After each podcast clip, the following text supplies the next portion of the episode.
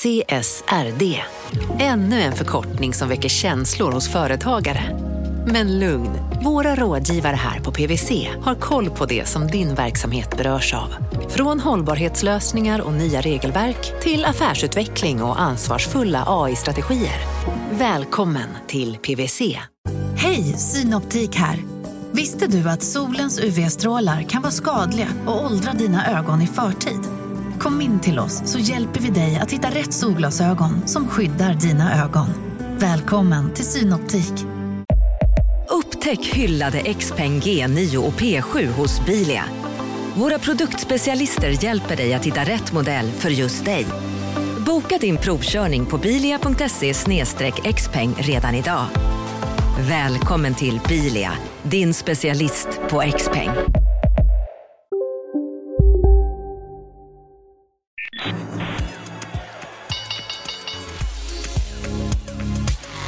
Här är Affärsvärlden Magasin med Helene Rådstein. Hej och hjärtligt välkomna till podden Affärsvärlden Magasin där vi varje måndag fördjupar oss i affärsvärldens journalistik. Jag heter Helene Rothstein och jag jobbar på Affärsvärlden. Och nu så står jag här med Christer Fågelmark och du är vd för nöjeskoncernen Parks and Resorts. Välkommen hit. Ja, det är jag. Tack så jättemycket. Och du är inne på ditt tionde år. Ja, det är jag. Och eh, i år är inte vilket år som helst kan man säga. Det är det mest dramatiska året någonsin eller för dig? Ja, det måste man verkligen säga. Vi är ju i en, i en underhållningsbransch ehm, eh, som ska ge upplevelser till människor och eh, det händer en del dramatiska saker i vår verksamhet och det har det gjort under de här snart tio åren. Eh, men ingenting som kan mäta sig med det som är nu när vi inte får ja, leverera i princip några upplevelser alls. Det är väldigt märkligt, precis som för många andra i samhället. För vi kanske ska säga att ni har massa nöjesparker under er. Eller? Ja, det tycker jag vi ska säga. Ja, det ska vi och säga. inte vilka nöjesparker som helst. Nej. Utan det är ju det är Gröna Lund, det är Skara Sommarland, det är djurparker som Furuvik och Kolmården. Mm. Eh, och eh, utav dessa fyra då, ni hade en till innan, Aquaria. Ja, just det. Aquaria på Djurgården eh, var i så pass dåligt skick så att det har rivits. Men vi har ju planer på att eh, med stadens goda minne återuppbygga någon form av verksamhet på platsen. Som också har med vatten och sådär att göra? Ja, som framförallt har med besöksnäring att, att göra. För eh, både Gröna Lund och, och, och den platsen och, eh, ligger i det som eh, som är mm, i Stockholms översiktsplan utpekat som evenemangsparken där ju Vasa museum och ABBA museum och Skansen och allt möjligt ligger. Och, eh, så, så det ska vara någonting som adderar till det området. Mm. Eh, men nu, vad är öppet i nuläget? I nuläget så är eh, Furuvik och Kolmården som båda är djurparker, de får hålla öppet och eh, de håller öppet med eh, naturligtvis med hänsyn till Folkhälsomyndighetens eh, rekommendationer precis som annan verksamhet i samhället. Så de, är, de har reducerad kapacitet och man kan inte riktigt uppleva allting som man brukar eh, uppleva men de är öppna. Ni, det var ju bara sådär i början, 23 juni så gick eh, Mikael Damberg ut och så sa han att eh, nej, nöjesparkerna de får inte ha öppet. Vad tänkte du då? Um, ja, jag blev eh, bestört och bedrövad för jag upplevde det som, som helt, eh, helt oväntat. Ehm, vi har ju, just därför att eh, det finns parker runt om i Sverige som, som ju får ha öppet. Eh, och eh, när man använder ordningslagen för att begränsa trängsel i samhället så, så har det träffat även då parker med så kallade tivolinöjen. Eh, och vi har argumenterat för att vi kan undvika trängsel på våra anläggningar. Och det vore ju rimligt att man behandlade likartade verksamheter på likartat sätt. Och givet då att, att det finns starka argument för det och att det inte är en smittskyddsfråga så, så tyckte vi att vi hade en stark argumentation för att få ett undantag och kunna öppna. Mm. Och, jag tycker, och vi har egentligen inte fått något riktigt motiv till att vi inte får öppna. Det är mer att säga att ett, det här är ett, mer av ett icke-beslut än ett verkligt beslut. Men ni har ju inte fått öppna. Nej, nej det har vi inte. Men det, det, man, man har sagt att vi tänker inte göra några eh, bedömningar av några verksamheter som träffas av ordningslagen. Mm. Utan ordningslagen eh, får fortsätta att gälla på det sätt som den alltid har gjort. Och- Man har inte satt sig in i våra planer. Men har ni då presenterat det lite dåligt, liksom, vad ni hade för planer? Eller vad, ha- hade ni kunnat göra på något annat sätt? Ja, vi gör allt vi kan nu för att vara så ödmjuka och, och, och förstå vad vi kan göra för att förändra detta. Vi har ju eh, pratat med eh, Polismyndigheten. Eh, polismyndigheten kan inte göra någonting annat än att, eh, än att alla som har bedömts som tillståndspliktiga tidigare de eh, begränsas till 50 personer. Och det spelar ingen roll om det är en liten klubblokal inomhus eller om det är Skara Sommarland på 400 000 kvadratmeter utomhus. De kan rent juridiskt liksom inte göra någon distinktion mellan de här två olika utan det blir en begränsning på 50 oavsett vilket. Och det tar lite tid innan både vi och polisen blev klara över det. Sen har vi försökt ha en dialog med Folkhälsomyndigheten men de är väldigt noggranna med att säga att de inte ger råd om enskilda branscher. Utan de bedömer smittspridningen i samhället i övrigt och då är det regeringen. Och det har vi all respekt för att regeringen har haft mycket på sitt bord under våren. Och vi vill ju inte på något sätt eh, äventyra eh, smittspridningen i samhället eh, eller så. så.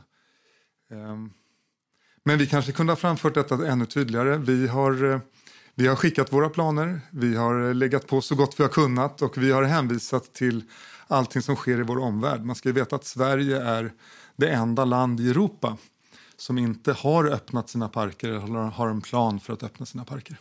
Vad tänker du om det? Vi är det enda land i Europa. Alltså, vi sticker ut på så många olika sätt. Och här sticker vi ut igen som det enda land i Europa som inte har öppnat sina pa- parker. Vad tänker du? Hur kan det vara så? Ja, jag, jag, jag har svårt att, att förhålla mig till det annat än till, liksom vår, till vår specifika fråga. Därför att, eh, eh, men, men, men, men det är onekligen märkligt, det tycker jag. Eh, för egentligen, när brukar, om vi tar Gröna Lund till exempel, när brukar Gröna Lund slå upp eh, portarna? Gröna Lund brukar öppna i anslutning till valborg. Det kan vara någon helg innan eller precis på valborg, men i, i månadsskiftet april-maj. Är det lite senare än Liseberg? Nej, Liseberg brukar öppna Eh, samtidigt. Aha, Ja, okej. ja. Så det är då man, man brukar öppna, alla brukar öppna då? Absolut, Aha, och vi ja. brukar pranka varandra lite. De kanske kör en uppblåsbar hare över Djurgården och eh, vi kanske eh, hittar på något hyss i deras entré och sådär. Men så vi brukar öppna samtidigt. Så vi är eh, goda vänner och konkurrenter i någon mening. Eh, och för jag såg att ni skrev det 8 juni skrev ni till... Då ville ni ha besked. Liksom. Va, vad hände fram till eh, 23 juni? Då visste ni inte vad som var på gång, eller? Nej, vi har ju haft eh, initialt så ehm, eh, i slutet på mars så det, det första, givet att vi är tillståndspliktiga då, så det första blir att vi tar kontakter med våra lokala eh, de, lo, polismyndigheten i våra regioner. Och eh, då fick vi initialt lite olika besked. Så Kolmården som har en väldigt stor del inne i sig som heter Bamses värld som är full med attraktioner som nu inte kan vara öppen för den kräver tillstånd. Um, i, I Östergötland så fick vi tillstånd att öppna eh, attraktionerna med en begränsning på 50 i varje attraktion. Eh, och I Stockholm fick vi ett annat besked och i Gävle fick vi ett tredje besked. Så det, var, det tog ett tag innan, innan, innan alla förstod vad det här betydde. Eh, och sen har vi eh, under ett par månaders tid haft eh, eh, en intensiv korrespondens med eh, eh, näringsdepartement och justitiedepartement.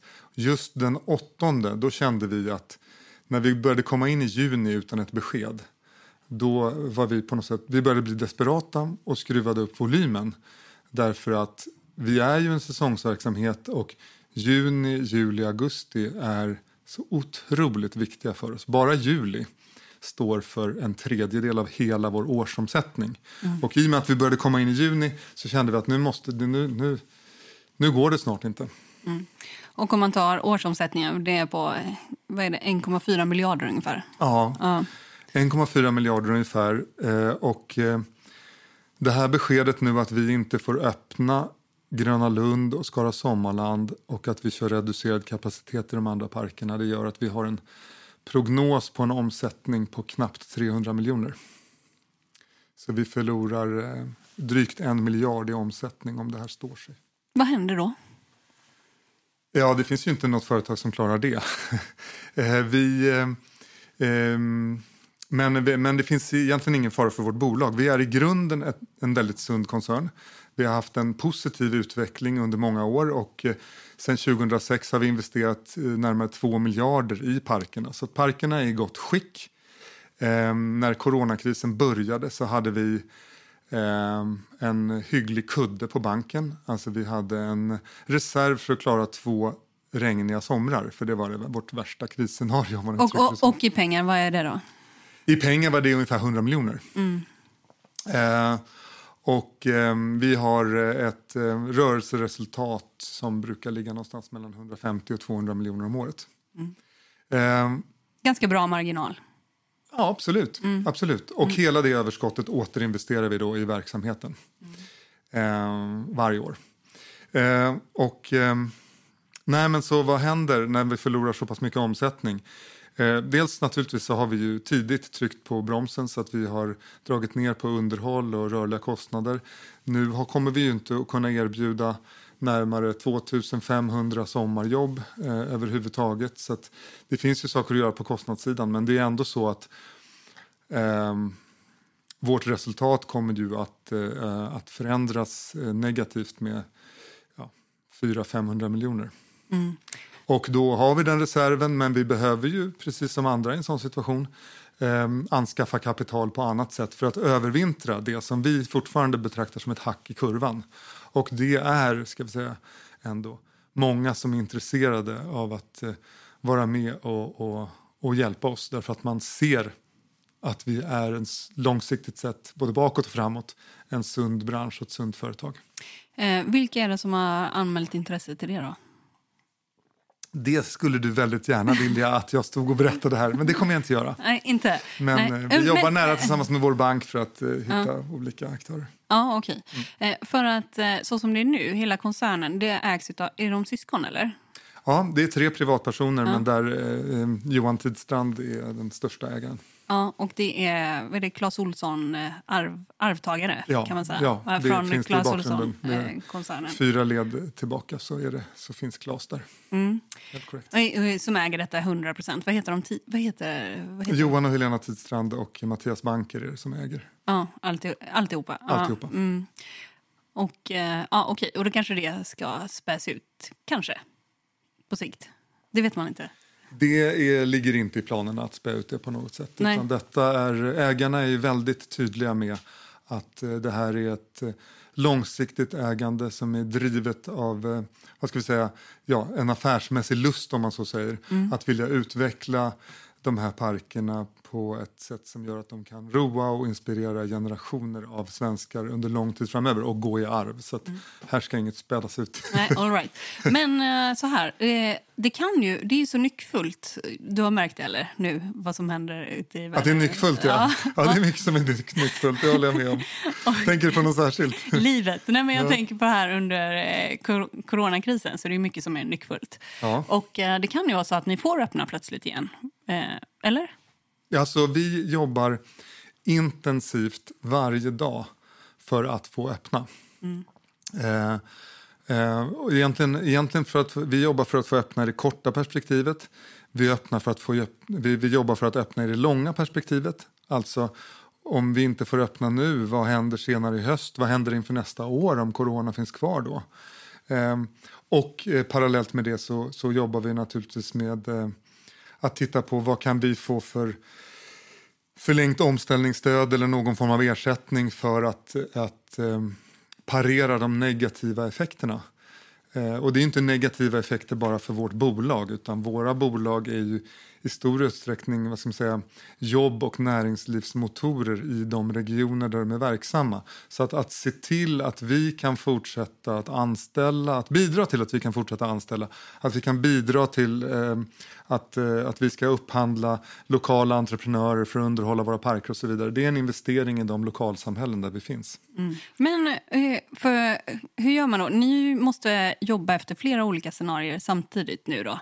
Dels att ni kanske inte får öppna alls under hela året. Dels kanske att ni får öppna till höst, till halloween som har varit... Hur länge har ni haft det? Tre år? Ja, det är lite olika olika parker, men ish tre år. Ja. Kolmården tror jag är faktiskt inne på kanske sitt sjätte år. Ja, all right. Ja. Eh, så ni jobbar efter, inte öppna alls i år och ni jobbar efter, hur blir det 2021?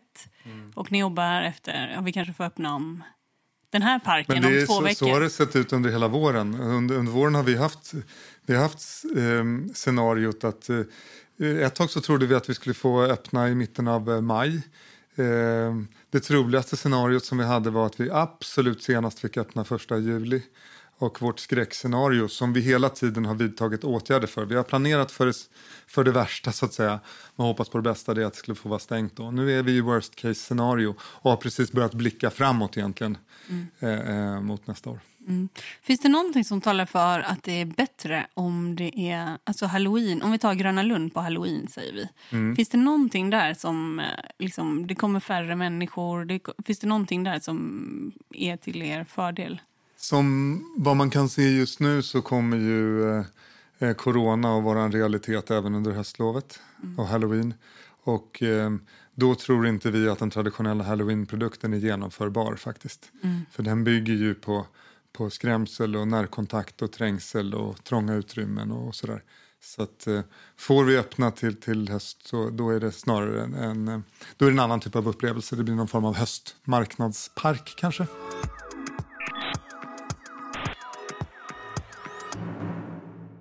Marknaden sponsras av SPP, pensionsbolaget. Eh, förra gången pratade vi lite om ITP och som en kort repetition så, så var det ju 70-tal, arbetsmarknadens parter bestämde att alla tjänstemän ska ha en tjänstepension. Man kom överens om vilka villkor som ska gälla i den här pensionen och så kallade man den för ITP. Så jobbar man idag som tjänsteman i ett företag med kollektivavtal, då har man förmodligen den här pensionen, ITP-pensionen. Eh, och det är ju så att man kan påverka eh, den här pensionen, hur den är placerad. Vart femte år så gör nämligen Collectum, som de heter, en enorm upphandling där olika pensionsbolag kan ansöka om att få förvalta eh, de här pensionerna. Och SPP är ett av bolagen som valdes ut i den senaste upphandlingen.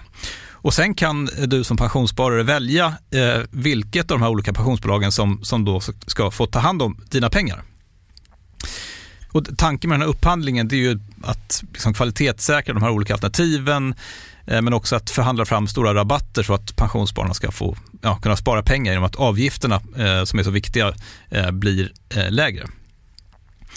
Och vill man välja någonting i ITP-systemet då finns det en relativt ny sajt som heter avtalat.se. Ehm, där kan man gå in och se hur sin ITP-pension är placerad. Jag gjorde det häromdagen faktiskt. Ehm, idén är att hälften av pengarna alltid ligger i något som kallas för traditionell försäkring. Det här gjorde vi ett avsnitt om i podden Kapitalet nyligen eh, som vi kallade världens bästa sparform. kan man lyssna på om man är intresserad.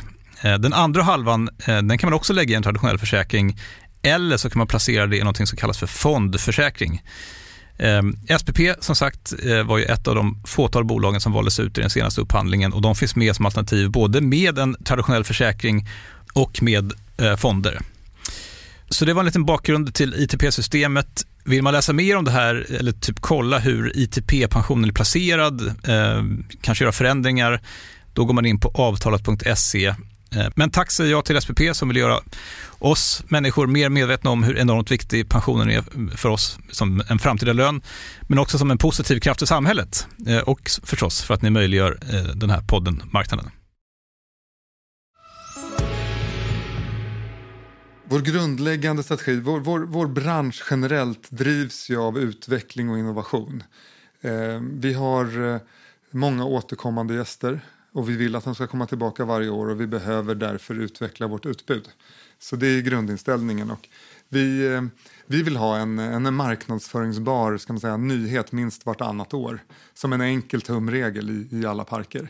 Men sen så gör vi, eh, sen gör vi lite extrainsatser där vi lägger en större eh, en större pott av vårt investeringskapital i en park, kanske under två, tre år. För att eh, inte bara åstadkomma en kortsiktig effekt utan långsiktigt faktiskt höja eh, lönsamheten eller antalet gäster eller efterfrågan eller, eller utbud.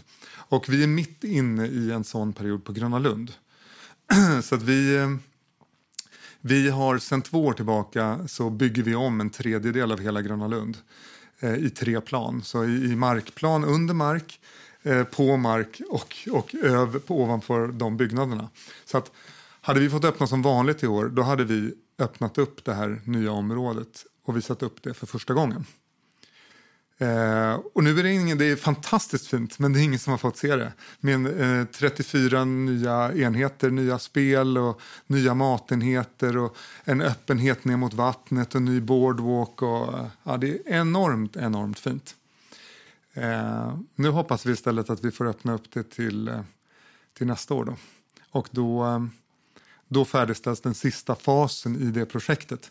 Och det är en eh, en stor berg och dalbana byggd av eh, schweiziska firman Bolliger Mabillard som bygger världens bästa stålbanor. Gör de? Japp, det gör Ja. de. Va- Och de ja. bygger tre, fyra banor om året. Vi kan komma tillbaka till det. Och den, här, eh, den här banan kommer då att börja i en station under mark, dra sig upp ovanför byggnaderna och sen svischa runt ovanför alla nya restauranger och spel för att sen åka ner i marken igen. Och det var vårt sätt att få in en sån bana som faktiskt lyfter då Gröna Lunds utbud till att konkurrera med de bästa berg i världen. Vi- Vilka är det då? Oj, det är många. Ja, kan, du, kan, kan du säga två? Eh, ja, alltså, eh, det, det finns ju väl, för nördarna här så finns det väldigt många olika kategorier. Det är stålbanor, det är inverted, det är ovanpå, det är launch coasters det är träbanor och så vidare. Wildfire på Kolmården, det är väl den eh, världsledande expertisen överens om är en av världens tre absolut bästa berg och. Om vi ska säga någonting. Är den i trä? Den är i trä. Ja. Den är en hybrid, men den är mest i trä. Rälsen är i ett Och, specialstål. och, och, och vad heter den på Liseberg? Den, den på Liseberg, var inte den i trä också? Vad heter den? Eh, Balder är bra på Liseberg också och där har vi ju, eh, eh, vad heter den då? Valkyria, vad heter den nya drop coastern där som faktiskt också är byggd av Bolliger Mabillard, det ska vi ge Lisebergarna. Vad kostar en sån berg och dalbana att köpa in? Eh, den kostar i storleksordningen 120 miljoner. Det var inte så mycket. Ja, men sen ska det ju byggas en massa runt omkring och sådär. Så det här, eh, Alltså det här, ett bygge då? Ett det här, bygge det av här berg... projektet som sådant, eh, det, är ju, det, är ju, det, är ju, det ska ju vara en affärsvärlden journalist för att tycka att 120 miljoner ändå är lite pengar. Det är ju pengar ändå på en attraktion. Men eh, projektet som sådant på Gröna Lund omsätter 430 miljoner. Ja, ja, det är mycket. Men, då bygger vi många nya enheter. Vi bygger också under mark, omklädningsrum för 1300 personer. Och det, det är ganska mycket som vi får för pengarna. Men vi är skickliga på att hålla i pengarna och göra det bra.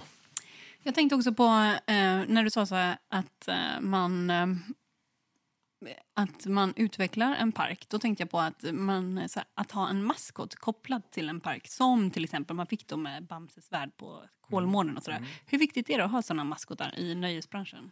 Eller nöjesparksbranschen? Nej, men du, du, du var inne på fråga om trender och sådär. Om man tittar på långsiktiga trender och vad som är viktigt i vår bransch så, så det finns flera olika dimensioner av det och vi kan ta oss igenom det. Men eh, IPs som det heter, intellectual properties, alltså Bamse och, och, och de så vidare, är ju det är jätteviktigt eh, och, eh, för många parker.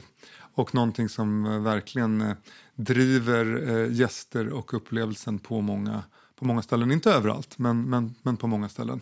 Det kan du se, de, eh, Bamses världs betydelse för Kolmården är ju väldigt, väldigt tydlig. Det är inte bara att det är Bamse, utan det är en väl utförd park också och så vidare. Men eh, i och med att vi öppnade den riktiga Bamses värld där, som ju är stor som halva Gröna Lund, så, eh, så ökade vi eh, besökarantalet i Kolmården på ett bestående sätt med 40 procent. Så det har haft enormt stor betydelse.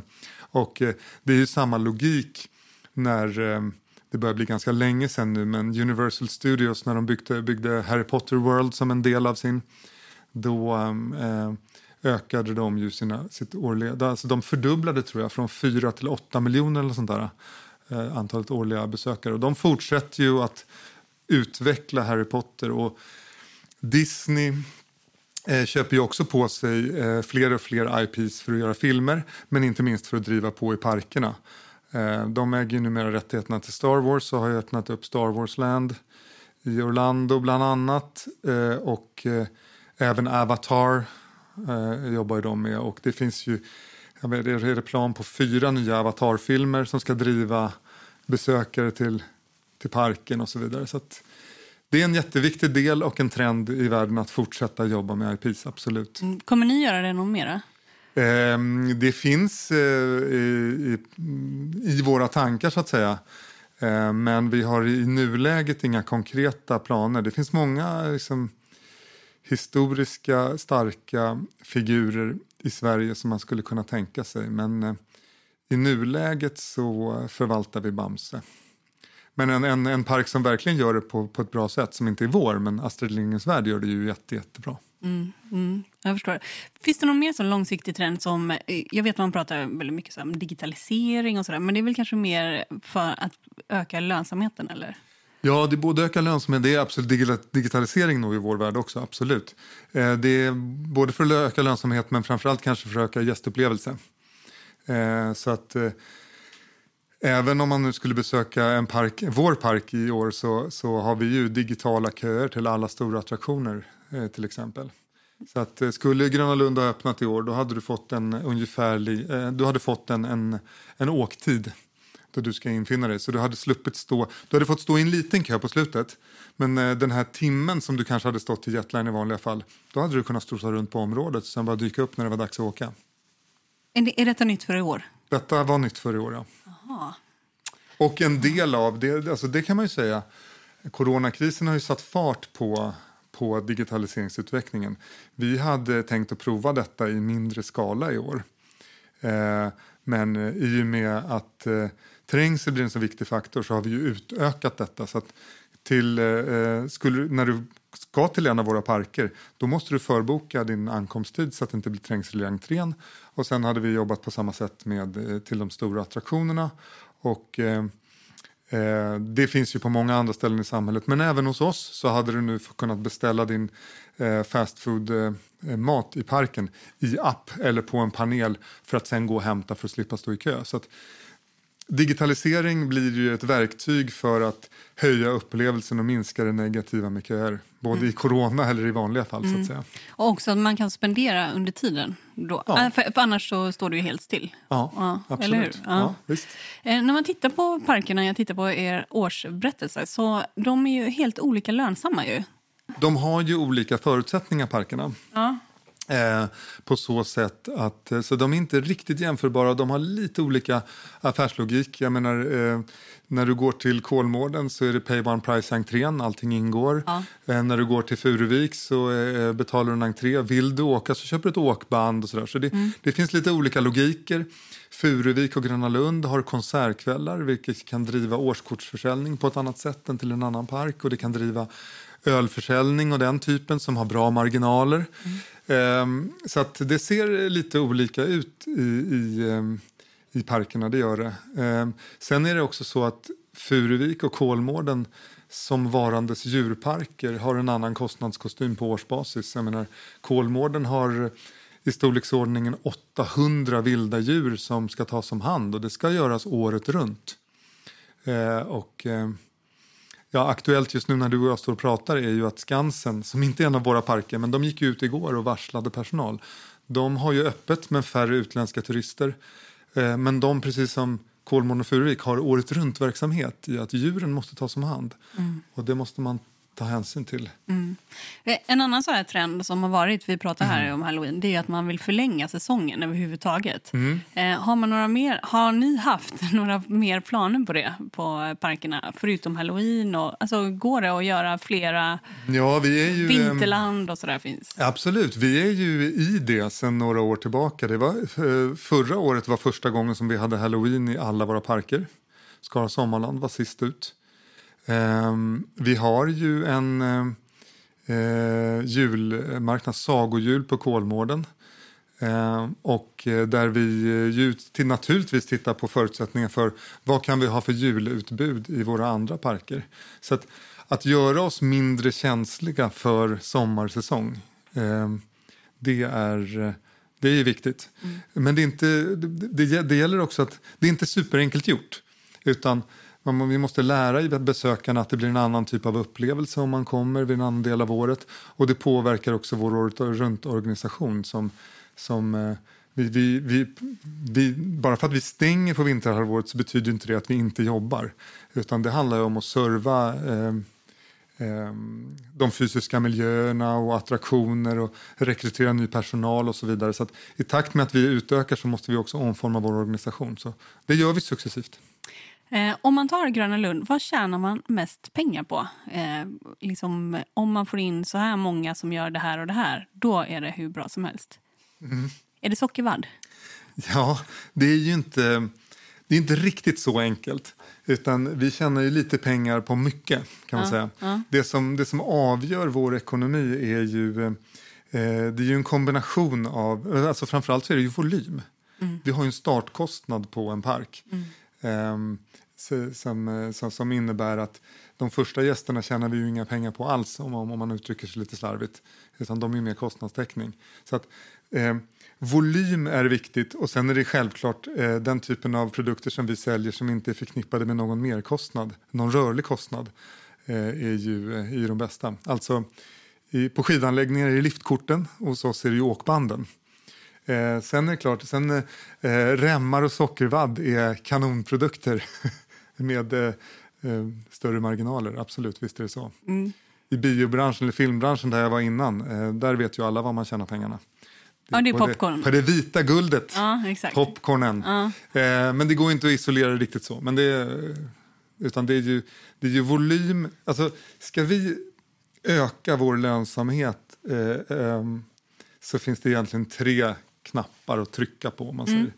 Ehm, vi behöver eh, vi få fler gäster. Alternativt att fler gör återbesök. Men att fler människor kommer. Eh, det är en. Att de stannar längre. Eh, och därmed spenderar mer. Och det, är- är en trend som vi inte har pratat om hittills. Men det gäller ju över hela världen att man... Två dagar. Ja, till exempel två dagar. ja. Alltså det, det, de, de stora aktörerna ehm, och även, även vi ehm, bygger ju hotell, olika typer av tematiserat boende, eh, gör ett utbud i parkerna som gör att man inte kan uppleva allting på en dag utan att man stannar längre och att det blir mer av destinationer. Jag pratade med min motsvarighet på Universal i, i USA och, och han sa bara att we can't build new hotels fast enough. För det är liksom det som driver deras tillväxt då, så att säga. Och sen är det ju utökat utbud då i parkerna. Mm. Eh, hur, om, om kommentarer då, så här, hur får man fler att komma generellt? Ehm, ja, det är ju det är en trick question, men det, ehm, dels handlar det ju om att vara relevant och att eh, ha nya erbjudanden, eh, alltså nya, nya miljöer eller nya attraktioner. Ehm, en annan sak är ju eh, det som vi var inne på förut, alltså nya teman, nya säsonger. Man gör Gröna Lund på, på sommaren och man kommer på halloween, så det, det är ett sätt att få fler som kommer. Eh, och sen är det att, eh, att bredda utbudet. Om du tar Kolmården, så, om du uppfattade Kolmården som en klassisk djurpark i någon mening, så när vi adderar på värld, en av världens bästa berg och och Bamses värld, då får fler ett incitament att åka dit och då kan vi addera fler besökare. Och hur, om man får att stanna längre, det är till exempel att man eh, ser till att det finns hotell, det finns boende, det är mer destination. Ja, du, och du kan titta på, eh, så, ta, um, ta Furuvik där vi har byggt ut vår camping, vi har byggt ut hotellet. Ehm, och eh, eh, Furuvik är en kombinationspark så där har du djur, du har konserter och du har en baddel.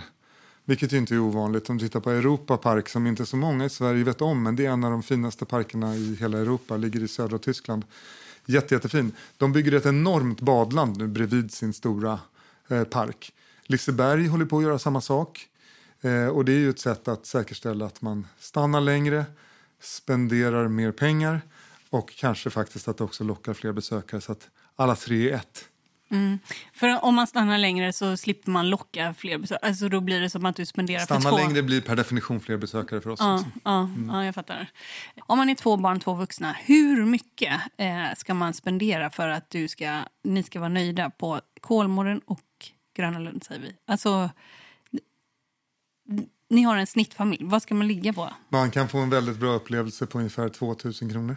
2000 kronor. Ja. Men om ni ska vara nöjda, är det ett, då är det tre. Nej, vi är nöjda. Vi är nöjda, faktiskt på riktigt. Den familjen som spenderar den typen av pengar Ja. eh, och har haft en härlig upplevelse, de kommer komma tillbaka. Vi är jättenöjda med det, jag lovar.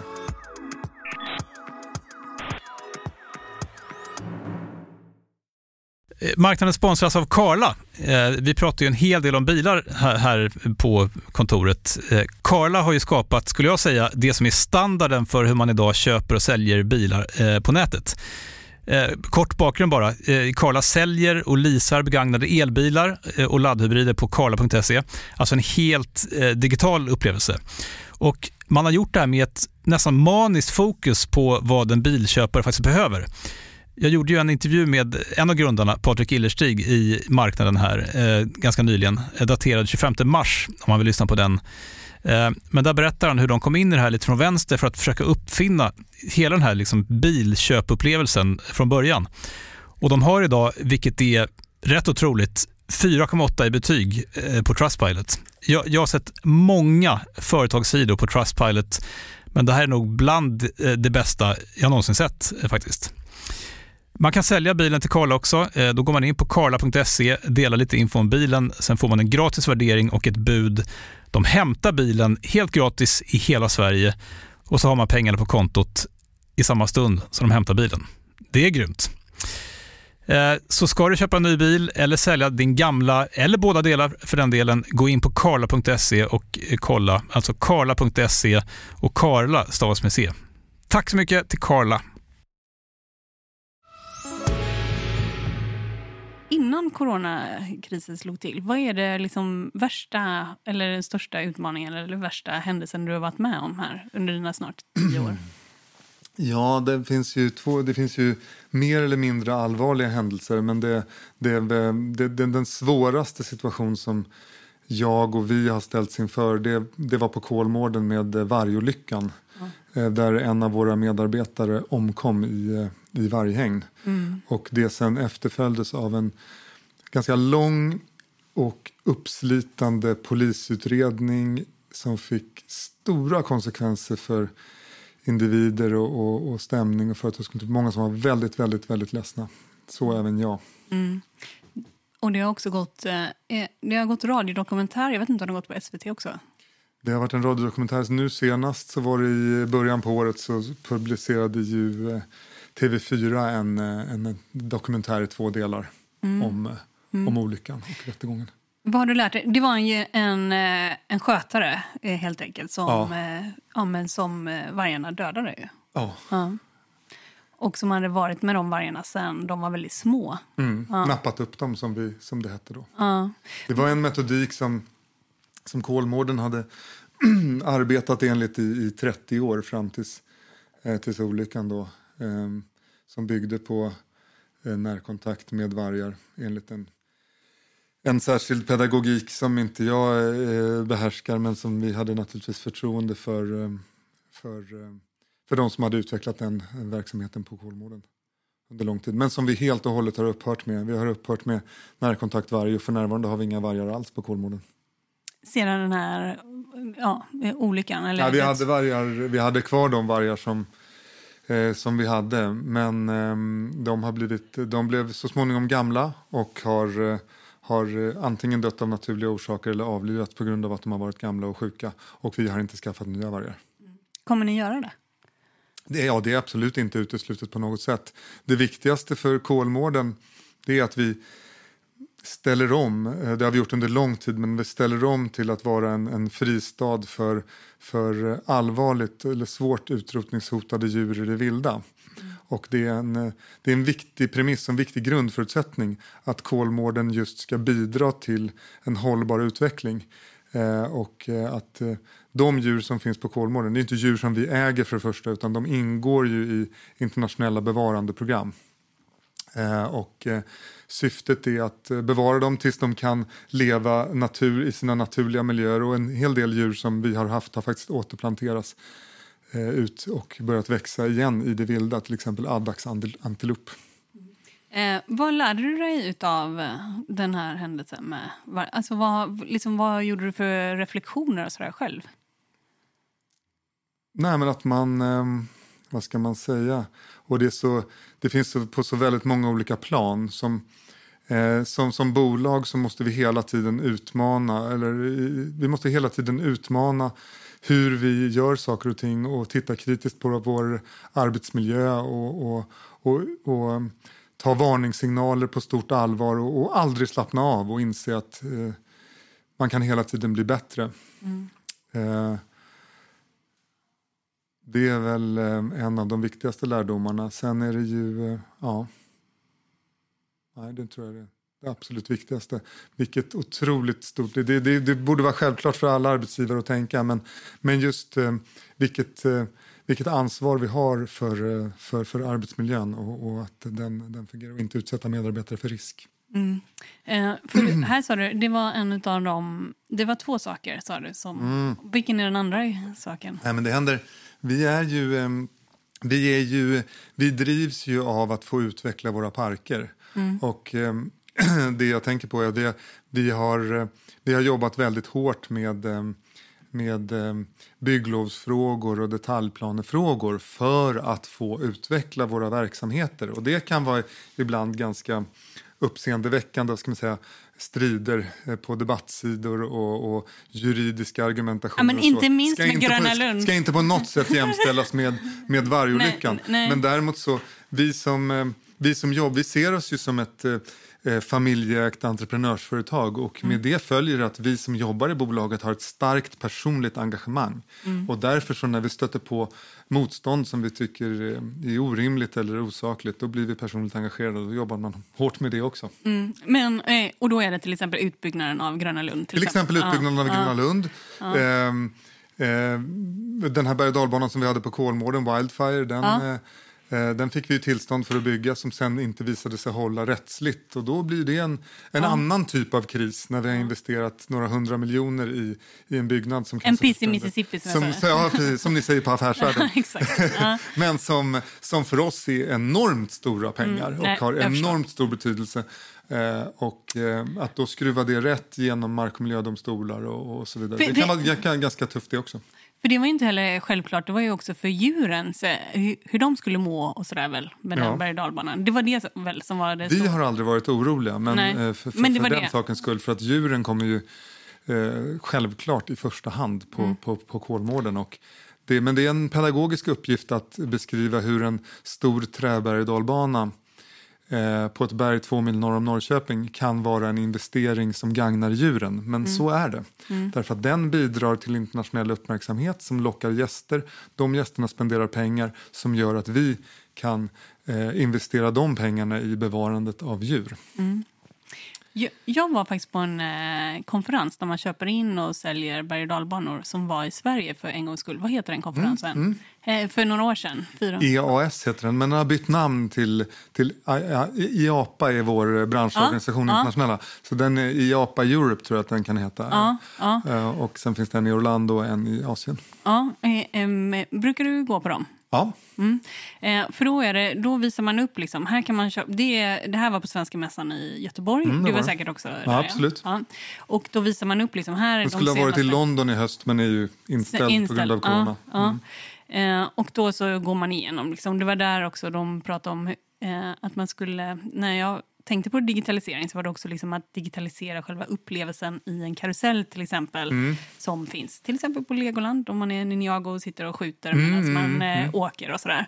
Eh, men en sak som slog mig på den konferensen det var att det var liksom bara, bara, bara män. För sen hade man ju hyrt mm. Liseberg. Och då var det, kan det vara 3-4 tusen män, farbröder Liksom, jag bara kände, Vet du vad, det slår mig också varje år att det är känner, väldigt, väldigt ja. mycket män ja. i, eh, på den mässan och den branschen. Jag har Va? funderat på vad kan det tänkas bero på. I grunden så kanske, nu spekulerar jag vilt, men, men, men det är ändå så att eh, den liksom klassiska tivoliattraktionen, berg och dalbanan och den typen, det är ju Eh, det är ju maskiner. Ja. Det är ingenjörsdrivet ja. och så vidare. Och mm. det kanske, jag menar, det, det finns ju eh, eh, kvinnliga ingenjörer idag, liksom, men historiskt så kanske det har varit liksom en, som många andra branscher, en, en manlig dominans. Jag är, mm. Du nämnde vår årsredovisning tidigare. Jag är väldigt stolt över att vi driver ett bolag som inte är manligt dominerat på det sättet. Mm, nej, ja, visst. nej, nej, det var mest jag slog, speciellt när alla sen var på Liseberg och det var bara farbröder. Liksom. Mm. Och det, Liseberg såg helt sjukt ut. men, ja. men, alltså, sen, sen, de var ju festliga. Många hade ju på så lampor på kostymer. Många var ju lite, här, lite karaktärer. Inte jättemånga, men några. Ja, ja men några. Liksom. Ja, nej, men det är ju, den, den mässan är, eh, om vi ska prata trender och innovation, så är den mässan jätteviktig för oss. Mm. Den innehåller ju en enorm bredd eh, på allt ifrån liksom, affärssystem, biljettsystem och den typen av, av, av infrastruktur till eh, liksom det senaste inom eh, fast food, sockervadd, eh, spelvinster till de mest högteknologiska attraktioner som du kan komma på. Mm. Och när vi är på den mässan då går vi där för att dels bli eh, eh, inspirerade men eh, också för att prata med Um, vi kan träffa flera av våra internationella leverantörer på ett och samma ställe. Mm. Uh, så vi har, ju, vi har ju projekt på gång som vi inte vet om de, all, om de någonsin kommer bli av. Men vi träffas ändå varje år och tittar lite på ah, hur skulle man kunna tweaka den här attraktionen, hur skulle den kunna få plats och, så vidare. Och så har vi projekt som är precis som, som är verkligen igång och då har vi arbetsmöten. Uh, alltså ni har fullt upp på dem? ja, vi har fullt upp på, dem, på dem. Det, det, men det blir också väldigt det, men det är, ju, det är ju mässa i ett nötskal. Det blir ju effektivt att ha alla på plats. Mm. Och eftersom att vi jobbar eh, i en internationell bransch, alltså de, de leverantörer som vi anlitar är företrädesvis från ja, lokala entreprenörer, absolut i Sverige, men sen är det runt om i Europa. Eh, stora leverantörer till oss finns i Holland, Schweiz, eh, Italien, Tyskland eh, framför allt, eh, och sen är det USA. Mm. Mm. Um, en annan sak som jag kommer... Kom, nu ska jag inte stamma. En annan sak som jag kommer ihåg från den mässan det var att, uh, det, att um, det har blivit så populärt med de här, såna här uppskjut och sådär för att det tar ingen plats. Att man, liksom, man har begränsad yta, så därför så försöker man bygga liksom, smalare attraktioner. Nu berättar du om när ni bygger under jord Mm. Till exempel. Mm. Är det ett sätt också för att alltså, spara? Gröna Lund har ju eh, en, en yt, eh, utmaning mm. som är större än de flesta andras. Eh, och då blir det att försöka jobba i olika plan. Mm. Men också så har du ju noterat att vi har ju adderat på en del attraktioner som är just av lite smalare karaktär ja. men olika till sin form. Det är ja. fritt fall och det är är att skjutas uppåt och det ja. är fritt fall i 90 grader och det ja. snurrar runt i, i ja. klips och sådär. Så, ja. Det, och då, så är det bara, helt enkelt. Ja, det, blir ju, alltså, det är ju härliga upplevelser. Jag tror inte mm. det är en trend riktigt så, men eh, mm. för oss har det varit ett viktigt sätt att eh, öka utbudet på en väldigt liten yta. yta. Mm. Slutligen, um, jag har... Jag har några barn. Nej, men jag har ett barn och, som har väntat i typ tre år på att bli 1,40. Mm. Och uh, ja, ja, men närma sig. Jag tror han är 1,40. Kanske om han skulle fuska lite har han tänkt. Han, vi har rullat in lite sådär i skorna. Ja. Får, man göra det? Nej. Nej, det får man inte göra. Nej. Varför får man inte det? Det är därför att det är en säkerhetsfråga. Eh, säten eh, eh, och, och, bälten och annat är så här anpassat efter en viss längd. Så ja. Det vill du inte gambla med. Nej, Men däremot nej. kan man säga så här. Tekniken utvecklas så att Eh, om du tar Wildfire, ja. som är en berg och dalbana med ett 50 meters första dropp i eh, närmare 83 grader. Där behöver du inte vara 1,40. Därför mm. den är så pass välbyggd ingenjörstekniskt mm. så att det räcker med att du är 1,20. Mm. Och eh, när vi tittar på vad vi ska bygga på parkeringen på, på Gröna Lund så vi vill, ju, vi vill ju egentligen inte utesluta någon. Vi vill ju att alla alltid ska vara välkomna och alla ska mer eller mindre kunna göra allting. Så att när vi så småningom förhoppningsvis får bygga något spektakulärt, kanske något world's first på parkeringen, då ska vi se till att man kanske kan åka det redan innan man är 1,40. Asså, men klarar man det psykiskt? Skulle du säga? ja, det är upp till föräldrarna att bedöma. Ja, det är alla okay. människor, ja. även de små. För, för det jag tänkte var bara, vad ska jag komma hem och säga till honom? Du kan åka, det här, liksom, Gröna Lund är öppet. Du kan, för nu har jag bara sagt, det är stängt. Ja, det är stängt. Ja, det är stängt. För han är ju typ du ska inte lura honom och säga att det är öppet. Men däremot så, däremot så ska ni åka ner till Kolmården. Ja passa på att lära er om de här utrotningshotade djuren och åka Wildfire som under hela coronakrisen har varit Europas enda öppna berg och dalbana. Nej, ja, fortfarande öppet. Men, och- Fortfarande och, öppen. Och 1,40 är det man. Det, han behöver inte vara 1,40, det räcker med 1,20. eh, Ja, 1,20 för den. Okej, okej. 1,20 och Ah. den rollar runt sin egen kropp flera gånger och är en fantastisk upplevelse. Även för dig. Men, men, eh, men eh, okej, okej. Det här kanske inte sänds förrän om två veckor. Då är vi inne i juli. Och eh, vad, vad tror du? Vad tror du har hänt då? Ehm, I mitten av juli, jag hoppas att vi har ehm, kommit vidare i vår dialog med eh, både justitiedepartementet och näringsdepartementet om förutsättningarna för att öppna våra parker. Jag tror inte att vi har fått något besked om när vi kan öppna men att vi fortsätter att jobba tillsammans för att hitta en väg fram för denna för Sverige regionalt också viktiga näring. Jag säger tack till dig, Christer Fogelmark, vd för Parks and Resorts, för att du kom till podden Affärsvärlden Magasin. Tack, det var jättekul att vara här. Du har lyssnat på podden Affärsvärlden Magasin som utkommer varje vecka. Jag heter Helene Rothstein och mer fördjupande journalistik om näringslivet och om börsen det hittar du i magasinet Affärsvärlden och på sajten affärsvärlden.se. Och podden den är tillbaka om en vecka. Håll ut!